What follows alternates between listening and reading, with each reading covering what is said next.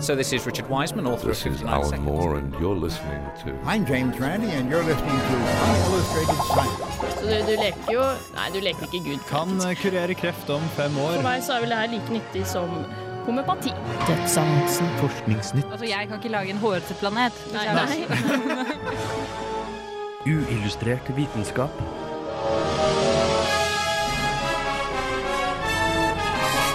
Science, it works, bitches.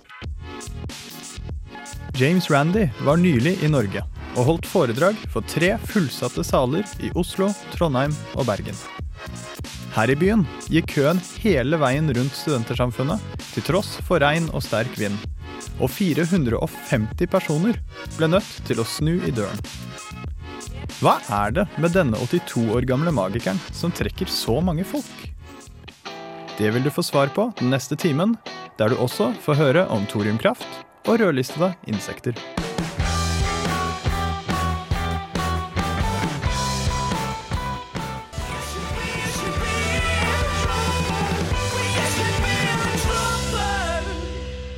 Radio Revolt. Det var I See Horses med Dropout her i Uillustrert vitenskap på Radio Revolt. Mitt navn er Ole Eivind Sigrud, og med meg i dag har jeg Jens Erik Våler. Velkommen tilbake. Tusen takk for det. I dag blir det ikke noe filmsnakk, for vi har en sending stappfull av andre temaer. Vi var jo på um, James Randy-foredraget på mandag, begge to. Det stemmer. Vi eh, fikk eh, sikret et eh, intervju med ham. Det blir litt preik om insekter. Og så kom jo en japaner til Eksenteraften i forrige uke, og han har vi intervju med også om da thoriumkraft. Nå setter vi i gang med Wagon Crite Respectrum.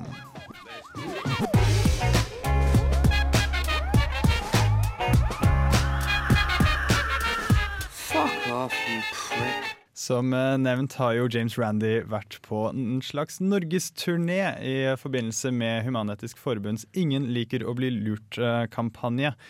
Og eh, ja, man kan vel egentlig ikke kalle foredragsturneene hans eh, noe annet enn en eh, svært vellykket arrangement. Så absolutt. Det ble jo ja, 600 personer, har jeg hørt, som ikke kom inn på Chateau Neuf, selv om den salen rommer 1000.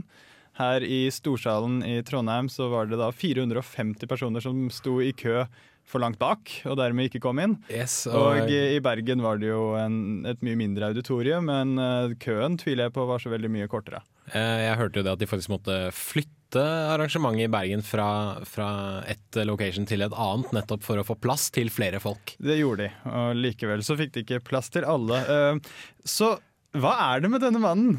82 år gammel kanadisk-amerikansk magiker som trekker så mange nordmenn eh, til for et foredrag i tre timer. Hva, hva, hva er det som skjer i denne verden? Det, det vet jeg ikke. Det, han hadde jo veldig mye interessant å si, eh, vil jeg si. Og som en fyr som ikke visste hvem fyren er, som gikk inn ganske eh, hva skal jeg si, kaldt, for å si det sånn, da, så, så var det veldig ålreit med en fyr som innrømmet at han ikke var akademiker, men som kom opp og eh, eh, forklarte ting på en veldig, veldig enkel og forståelig måte for de av oss som, som ikke, sånn, som ikke har en ph.d. Da, i x antall, eh, grad, eller x antall fag fra universitet. Og for, for liksom få den følelsen at han på en måte var på, på, på vårt nivå og, og kunne, kunne forklare det på, på en enkel måte. Han er jo definitivt eh, god på å formidle. Men eh, det kan jo hende det sitter noen eh, lyttere her ute som ikke fikk med seg dette foredraget, og som sitter og klør seg i hodet. Hvem i all verden er denne James Randy? Så nå skal vi gi dere en liten innføring. Han er jo da en magiker, som, som nevnt. Fra, opprinnelig fra Canada, bor i USA. Så holdt han på som magiker frem til han var 60. Eh, Da pensjonerte han seg, og så gikk han over til å etterforske paranormale og okkulte fenomener. Eh, Fordi som magiker så er det jo lært opp til å eh, lure andre. Du, du, eh, det hele jobben din er å lure andre. Og det gjør du ved forskjellige knep, og så utnytter du også måten folk lurer seg selv på. Eh, og så så han jo rundt, da. Det var mange synske, og det var healere, og det var alle mulige folk som gjorde det samme som han. Men de var ikke magikere. Nei. De sa at de hadde evner. Så han ble jo litt provosert, og så gikk han ut for å etterforske. Um, og um, ja, vi kan jo nevne noen sånn slags greatest hits. Han uh, slo jo gjennom um, i 1972 da han uh, publiserte en bok om Uri Geller. Ja. Og, Hvem er Uri Geller? Ja, hvem er Uri Geller? Nei, han er jo denne israelske skjebøyeren og synske og eh, ja, rett og slett en paranormal eh, mann, kan man vel kalle han. Som eh, kom, kom fram og sa det at nei, han hadde, han hadde evner. Han kunne bøye skjeer uten uten å bruke særlig mye muskelkraft. Han kunne lese folks tanker, og han kunne gjøre veldig mye mystiske ting. Men eh, Randy så jo det at eh, hei, dette er jo bare knep som jeg selv har eh, brukt. Og eh, det finnes faktisk veldig mange morsomme YouTube-videoer hvor han faktisk beviser, eller viser hvordan, han, hvordan eh, Uri Geller har gjort alle disse tingene han gjør. Da. Blant annet ved å demonstrere på eh, alt fra nøkler til skjeer og gafler. Og så er det jo flott eh, det lille retoriske grepet han eh, drar med Ja, det kan jo hende Uri Geller har overnaturlige evner, men jeg kan gjøre det samme uten. den, eh, den liker jeg. Um, men han har jo ikke bare tatt for seg uh, ja, paranormale og kvakksalvere osv. Han har jo faktisk kritisert en god del forskere. Uh, fordi det var jo en periode der parapsykologi var veldig hipt. Vi har jo tatt opp dette tidligere i Ullustrert vitenskap da vi intervjuet uh, Susan Blackmore. Og da satte han i gang det som nå kjennes som Project Alpha. Eh, han eh, sendte to personer som ikke var noe kjente navn. eh, lærte dem opp i å gjøre en del sånn magikerknep. Og så ble de da etter, eller undersøkt av en del parapsykologiforskere. Og de forskerne ble jo rundhjult. Eh, rundhjult. Rund- Eh, rundlurt, kanskje? Rundlurt. De ble ikke rundhjult. Um, til tross for at James Randy fra tid til annen hintet om at jeg bare spør dem om det de gjør er knep, Mm. fordi da ville de sagt ja. Eh, de spurte aldri, fordi de var overbevist om at dette her var ekte greier. Eh, og så må vi jo til slutt nevne at han eh, også har avslørt en god del troshelbredere, mest kjent Peter Popoff, som mener de helbreder syke ved troens makt. Eh, men som han da viste at eh, i ja, Peter Popoffs tilfelle, så var det da konen på bakrommet som eh, matet informasjon inn i øret hans, istedenfor at han hørte Guds stemme. Og så kan man jo også nevne at grunnen til at han nå, eller i tillegg til alt dette, så i 1996 dannet han James Randy Educational Foundation, som er da verdens største og mest kjente skeptikerorganisasjon. Vi fikk jo da som sagt eh, intervjue ham, eh, og eh, det er vel på tide å høre det nå. Not saying, listen to me and believe everything I say, but listen to me and think about it. Then go away and research it. Look into it yourself. 21. mars fikk Trondheim besøk av verdens mest berømte skeptiker. My name is James Randi. I'm a professional magician, retired some years ago, and I am now lecturing all over the world on the subject of the paranormal, the occult, and the supernatural, in which I do not believe. Anledningen var Human-Etisk Forbunds aksjon for kritisk tenkning Ingen liker å bli lurt. En aksjon Randy støtter helhjertet, og absolutt ser et behov for her i landet. I find that uh, Norway, as most countries around the world, uh, really need a lot of attention to their thinking process and their acceptance of nonsense. It's very, very easy to accept magical ideas and romantic ideas of everything is going to be just fine. All I have to do is say the right words or give money to the right person and everything will be just fine. No, it doesn't work that way. Life is much more complicated and we have to learn to face it as it is, not as we would like it to be.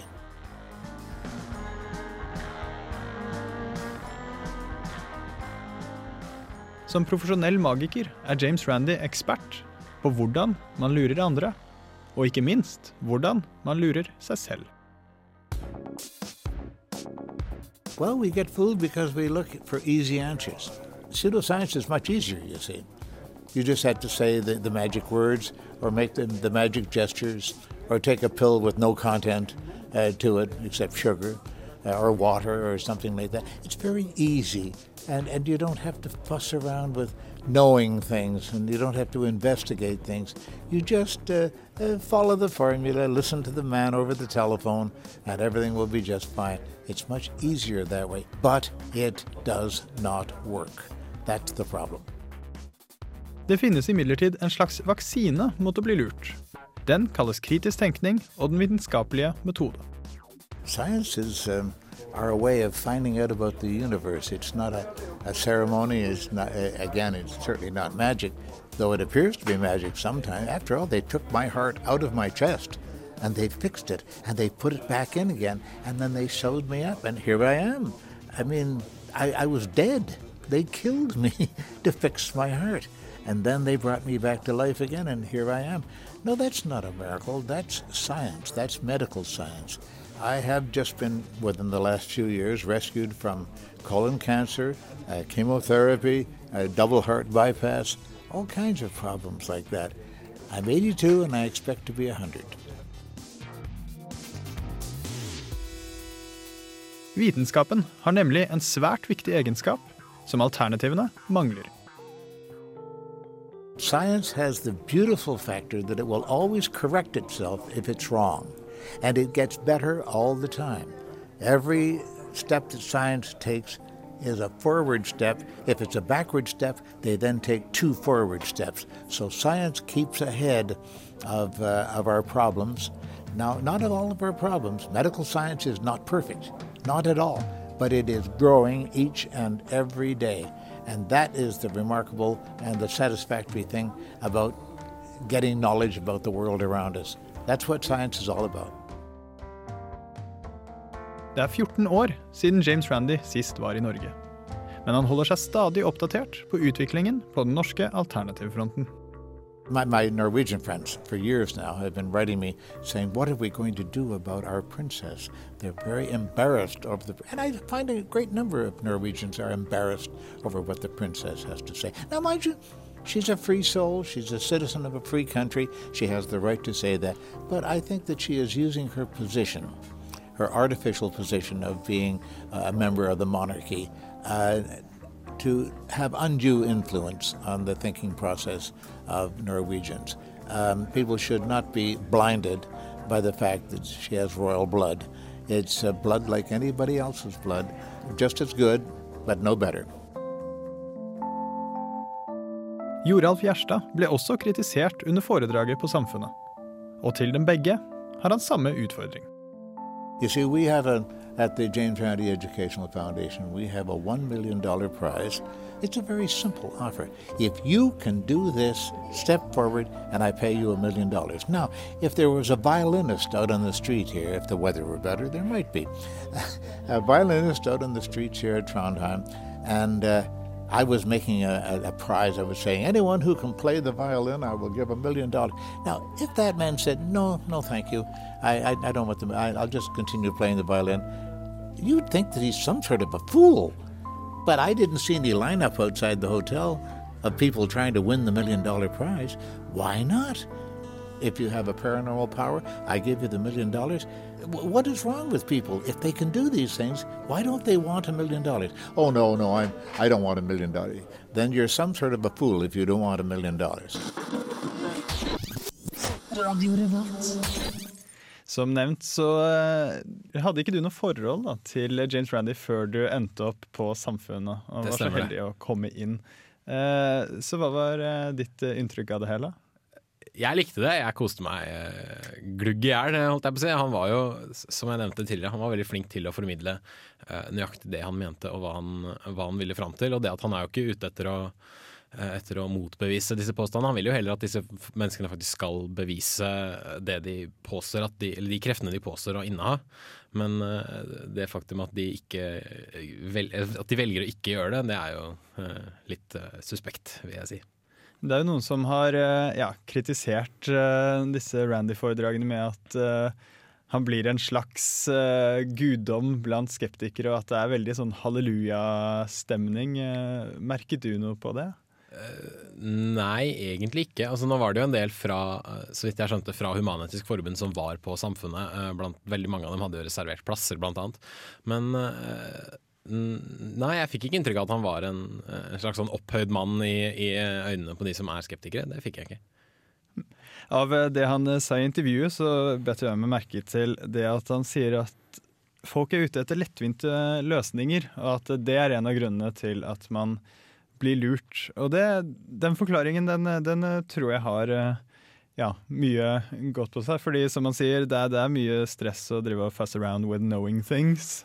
um, det er mye lettere å på en måte bare kunne godta det astrologen sier. Hva, hva tenker du om hvorfor Jeg- folk tror sånt? Jeg er veldig enig. Jeg tror det er rett og slett at folk vil ikke leve i en verden som bare er svart og hvitt. Folk liker å drømme, folk liker å tenke seg ting som, som egentlig ikke eksisterer. Og så uh, drømmer de for mye, rett og slett, og overbeviser seg selv om at hei, kanskje det er, kanskje det er mer mellom himmel og jord, osv., osv. Ja. Eh, Her kommer vi jo inn på en sånn, eh, et tema mange skeptikere og vitenskapsformidlere har vært innom før. For jeg tror det stemmer i stor grad at folk opplever det slik. At vitenskapen kommer her og sier at sånn er det, og er veldig tørr og kjedelig. Mm. Men da, da har ikke de som har på en måte skulle lære dem vitenskapen, og de som skulle formidle vitenskapen, da har ikke de gjort jobben sin godt nok, vil jeg da si. Eh, fordi hva er vel mer fantastisk å finne ut at eh, At det faktisk går an. Ikke sant? Mhm, jeg er enig. Eh, jeg syns det er mye mer spennende å høre om evolusjonsteorien enn å høre bare at nå er man skapt her eh, sånn som vi er nå. Mm, bare sånn. Eh, sånn, sånn ble vi til. Eh, det å kunne faktisk undersøke dette nærmere, og så finne ut at vi er faktisk i slekt med alt annet. Mm. Og så eh, drive det detektivarbeidet med å finne bevis for hypotesene, og så finne ut at noen hypoteser feilet. Og det er jo kjempespennende. Og det er igjen litt som vi snakket om med film og vitenskap. At virkeligheten er så mye mer spennende enn det vi noensinne klarer å finne på. Så, så ofte så synes jeg jo realitetene er mye mer spennende enn det astrologene påstår. Ja, Nå er det litt forskjell på astrologer og uh, filmskribenter og regissører. Ja, det merke. er bare litt Men, eh, sånn apropos. Ja, jeg, jeg, absolutt. Og det at det, st- hvor stjernene står i forhold til en annen planet, har jo ingen betydning for, for, for ditt liv og, og, og, hva som kommer til å skje i det, hva som kommer til å skje i resten av verden. Og det er jo så mye fantastisk der ute å se på. Det er, eh, av, altså det er snart slutten av mars, og det er snøstorm utenfor. At det ikke er fascinerende for folk, det skjønner jeg ikke, altså. Ja. Eh, Det er vel også en stor konspirasjon, eh, det været der. Men eh, samfunnet hadde jo nylig et annet arrangement som også fikk overraskende mange besøkende. Og Da sikter jeg til Eksenteraften med Motoyasu Kinoshita om thoriumkraft, som egentlig skulle finne sted i det relativt lille lokale klubben, men ble flyttet til Storsalen grunnet økt interesse etter Fukushima-ulykken. Vi var jo der òg, og Kinoshita var vennlig nok til å slå av en prat. I forrige uke ble kulturutvalget på Samfunnet nødt til å flytte Eksenteraften fra klubben til Storsalen. Årsaken til det var denne mannen. My name is uh, Motoyasu Kinoshita. I'm coming from Tokyo, working as a specialist of nuclear material, but also working for the uh, nuclear fuel safety in the government committee. Kinoshita var der for å snakke om thoriumkraft. Og selv om mesteparten av pressen virket mer interessert i hans tårer og opplevelse av katastrofen i hjemlandet, er thoriumkraftverk et spennende tema. Kort forklart er det snakk om atomkraftverk som benytter thorium som brensel i stedet for uran. Thorium har nemlig en rekke fordelaktige egenskaper. One uh, um, merit or the uh, thorium is its uh, 232 is lighter than uranium-238. A lifetime of the uh, radioactive waste is uh, shorter than the plutonium fuel. And so for the long-term waste problem, uh, thorium is having uh, uh, advantage. And also the thorium oxide has higher melting temperature, about 500 degrees C higher melting temperature than UO2. Okay, then you can use it uh, at uh, more severe condition than UO2 or plutonium oxide. And, uh, and so you can have a, a, little bit safe, safe uh, reactor using thorium. Likevel er ikke thoriumkraft helt uproblematisk. The problem of the thorium is it is a, uh, fertile material. Fertile means it is not fissioning uh, by itself. Uh, we have only uranium-235 which is fissioning by uh, neutron. And for 232 thorium, you need neutron to get fissile. Therefore, we have to put uh, plutonium or you, you have to put uh, enriched uranium to activate uh, thorium to become uh, fissile. This is the uh, uh, one big barrier to commercialize thorium for nuclear. You need to develop uh, a very efficient uh, reactor core with neutronic design. For example, we can use uh, heavy water uh, to have uh, uh, efficient nuclear core uh, to get thorium to become uranium-233 or molten salt reactor, which is using molten salt and graphite uh, to make uh, thermal neutrons to, and also get the uranium-233. And uh, present light water reactor is uh, not having uh, uh, best uh, neutronic performance. Therefore, thorium fuel in the present light water reactor is not solving the problem of nuclear. Så hvordan ser fremtiden ut for kjernekraft? Uh, For the next future, I mean, to 20 years or 30 years, we need to develop new reactor type. And at the same time, we need to develop new reactor safety concept. Uh, for, for example, how to, we can cool uh, and how we can make a po- uh, pass, passive reactor, uh, uh, passive safety reactor. And so it's, it's a long way. But in the future, uh, uh, we should uh, develop very efficient uh, reactor using thorium because thorium has uh, much more abundant uh, than uranium, uh, maybe three to five times, three, three times or five times. So uh, eventually, finally, we will have thorium reactor uh, for power generation.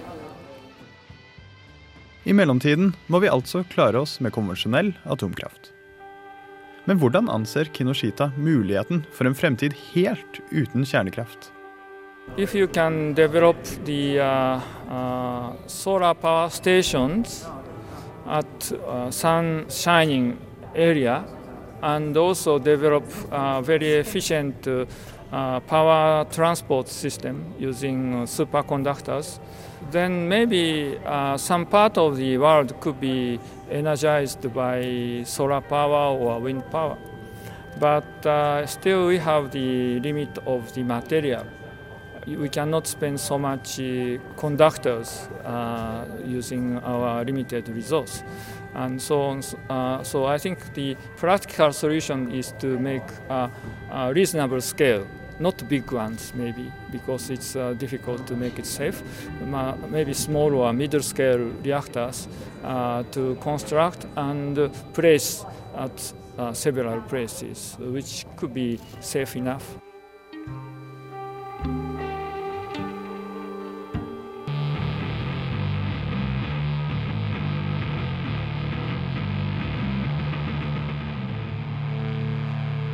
Thorium er da et eh, tema vi eh, må være nødt til å komme tilbake til eh, senere, og få inn en ekspert som kan forklare enda litt mer.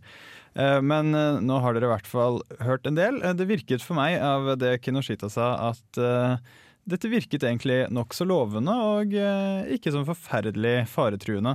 Men det må jo da nevnes at i 2008 så publiserte Statens strålevern en rapport eller utredning om eh, thorium, og eh, de slo jo da fast at eh, det var vel nokså små forskjeller mellom thorium og eh, bruk av uran. Så ble det sagt at eh, eh, de hadde jo da bare undersøkt bruk av thorium i konvensjonelle reaktorer, og da ikke nyere eh, reaktorer er mer egnet til thorium. Eh, Men dette her da sluttet jo effektivt eh, den debatten eh, som var på i ja, 2007-2008 rundt thorium. Men nå har den da altså kommet litt tilbake. Videre så nevnte han jo også at thorium kan allerede brukes som tilsetning i sånn lettvannsreaktor, som er den de har på Fukushima. Eh, eller hadde i, i Fukushima. Eh, og at det ville gjøre prosessen litt tryggere. Og så spurte jeg da hvordan eh, vil Fukushima-ulykken påvirke debatten rundt thorium eh, og utviklingen av nye thoriumreaktorer. Eh, da hadde han jo ja, sa at det var egentlig to muligheter. Det ene er at folk danner motstand mot all kjernekraft generelt. Da er det et problem. Da, da, da vil det jo ikke bli noe videre thoriumutvikling.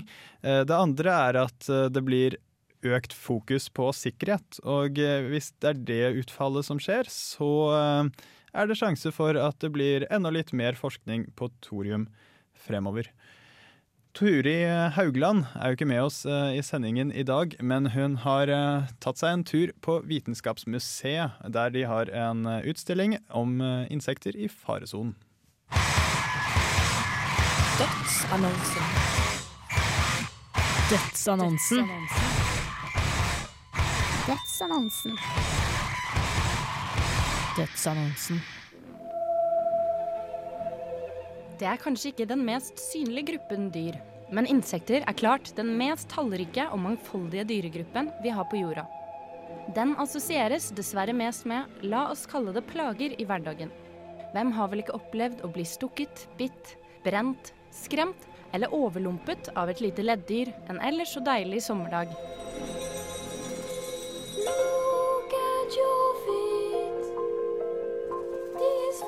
Likevel mener biologer, zoologer og insekteksperter at vi skal bry oss når insektarter trues med utryddelse. Men er insektartene i Norge utrydningstruet? Svaret kan jeg si med en gang er ja. Søndag 20. mars var det insektdag på Vitenskapsmuseet NTNU i forbindelse med åpningen av fotoutstillingen 'Insekter i faresonen'. Utstillingen består av 31 store, detaljrike fotografier av insekter i ferd med å forsvinne fra norsk natur. I tillegg til fotoutstillingen var det en rekke insekteksperter til stede denne søndagen. Jeg tok turen for å finne ut mer om insektsituasjonen i Norge.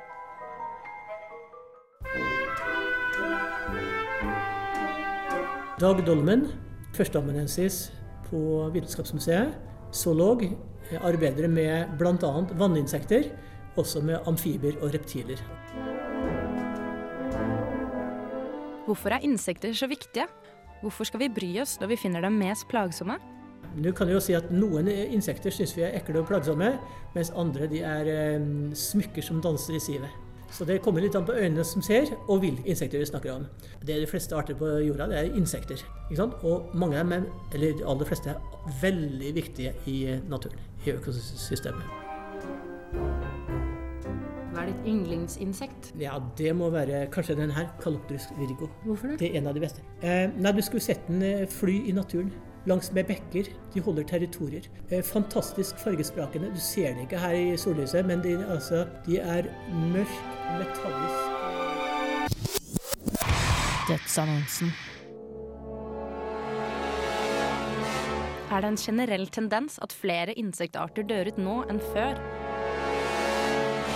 Det er et økende problem fordi at eh, befolkningstettheten blir større og større, og vi okkuperer de mest eh, jeg skal si, utrydningstruede biotopene. Altså Vi okkuperer først og fremst lavlandet, som er ganske sjeldent i Norge. Ja, vi har ikke så mye lavland, men det er der vi bosetter oss. Og da ødelegger vi skal vi si, de biotopene hvor de sjeldne insektene finnes. Så det er, det er et stadig økende problem. Og det er også det samme globalt, fordi vi er blitt så mange mennesker her på kloden.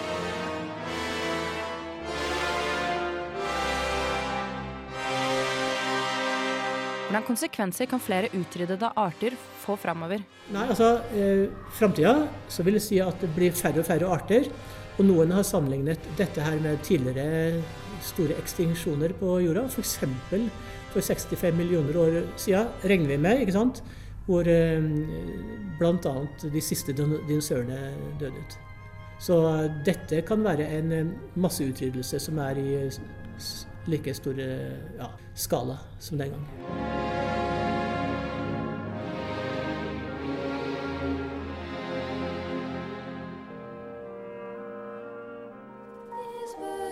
I fotoutstillingen fins 31 bilder av utrydningstruede arter. Dette er 31 av antatte 23 000 insektarter som fins i Norge. Gir det noen store ringvirkninger i naturen at noen av disse artene har forsvunnet?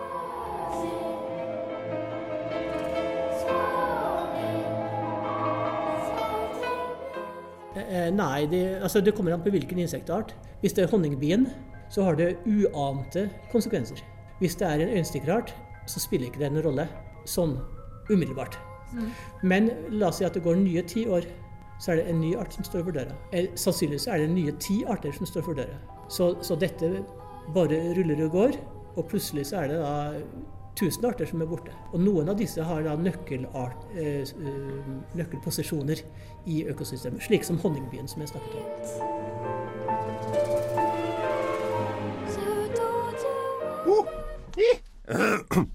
Radio Revolt.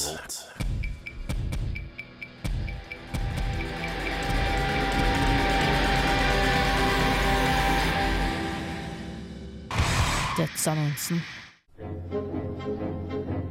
Insekter i faresonen er et initiativ av Norsk historisk museum i Oslo i samarbeid med Artsdatabanken. Artsdatabanken er ansvarlige for å publisere de norske rødlistene, inkludert rødlisten over insektarter, hvorav deler er presentert sammen med fotoutstillingen. Snorre Henriksen fra Databanken ga meg de røde tallene.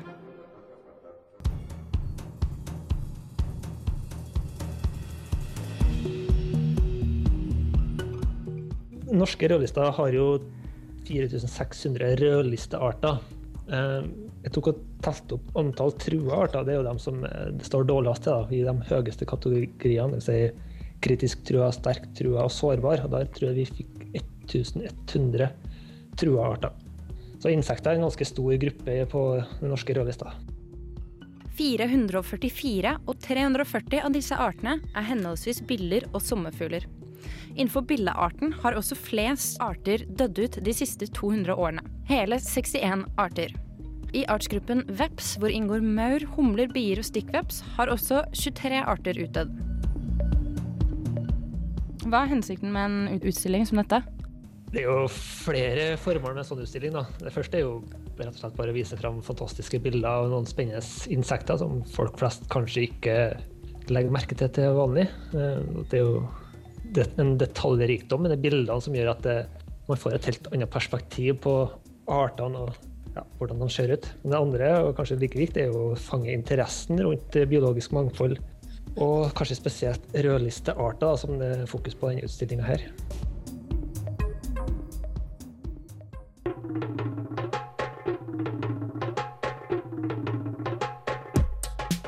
Hvordan oppgave har dere i å samle informasjon og føre opp insekter på rødlisten? Artsdatabanken sin rolle i rødlista er jo å koordinere arbeidet og sammenstille informasjon. Eh, Det er jo ca. 130 eksperter som sitter rundt om i landet som har gjort selve risikovurderingene, som sitter inne med den kunnskapen som kreves for å gjøre en vurdering av arters risiko for utøving. Så vi har mer en sånn koordineringsrolle. Hva skjer med rødlistene videre? Blir de tatt til følge? Ja, vi publiserer jo Målet er å publisere en ny rødliste hvert femte år. eh, For det samles jo hele tida ny informasjon om rødlistearter, og vi får stadig bedre kunnskapsgrunnlag. Artsdatabankens rolle er jo å presentere det her som et grunnlag for forvaltninga. Så det er jo opp til forvaltninga å avgjøre hva man gjør videre med den typen kunnskap. Men eh, klart, når man forvalter biologisk mangfold, så må man jo legge rødlistestatus til grunn for videre forvaltning som om ikke ett av kriteriene for forvaltning av prioritering av forvaltning av arter. I'm James Randi, and you're listening to Unillustrated Science. Du kan altså gå og se flotte fotografier av flotte og kanskje ikke fullt så flotte insekter på Vitenskapsmuseet frem til 15. august. Så syns jeg at du skal få høre Impler av Slacht of Bronx.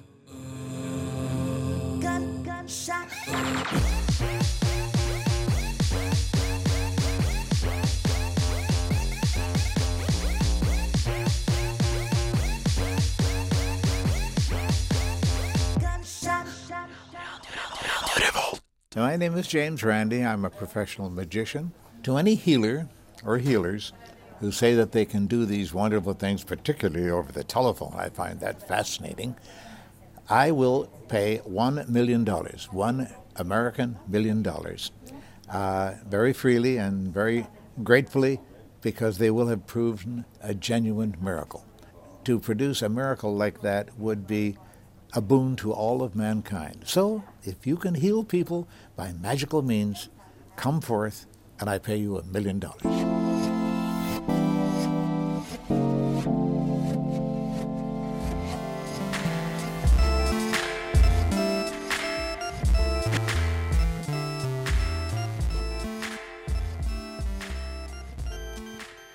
Jens Erik blir stående, fordi du har jo en Filmofil-sending rett etter oss nå. Det stemmer det, vet du. Eh, Men eh, for meg så begynner tiden å renne ut.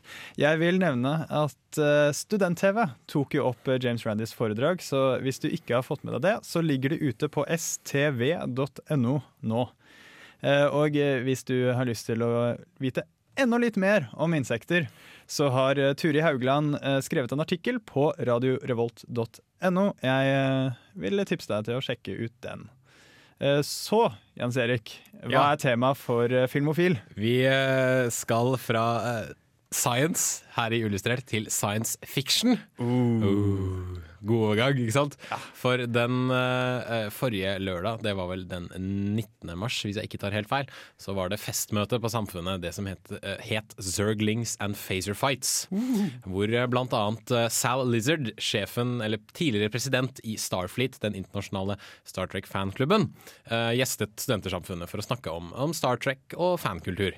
Og eh, han fikk jeg et eh, veldig veldig hyggelig og trivelig intervju med, så det skal annet spilles av i Filmofil. Og I tillegg blir det jo eh, filmanmeldelser og ukas filmlåt og alt det, alt det gode Men film. eh, Sal Lizard han var jo ikke bare admiral i Starfleet og han eh, eh, regissør-produsent. Han hadde en annen jobb òg. Ja, han jobbet som profesjonell julenisse. Ikke sant? Og- jeg var så heldig og fikk sitte på fanget hans på Samfunnet. Til Star Trek-nissen, for han gikk jo i Star. Trek-uniform. Selvfølgelig.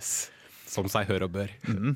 Så er det vel også eh, noe nytt på filmfronten som skjer eh, her i eh, Trondheim snart, som dere skal gå med inn på? Det stemmer det. Om et par uker er det nok en gang duket for Kosmorama, Trondheims internasjonale filmfestival. Og da skal vi ha en lang og god prat om festivalprogrammet til Kosmorama, som begynner å se veldig, veldig lovende ut. Bli sittende ved radioapparatet altså og lytt til Filmofil. Uillustrert vitenskap er over for i dag. Mitt navn er Ole Eivind Sigrud. Med meg i dag har jeg hatt Jens Erik Våler, og vår tekniker heter Bendik Bolma.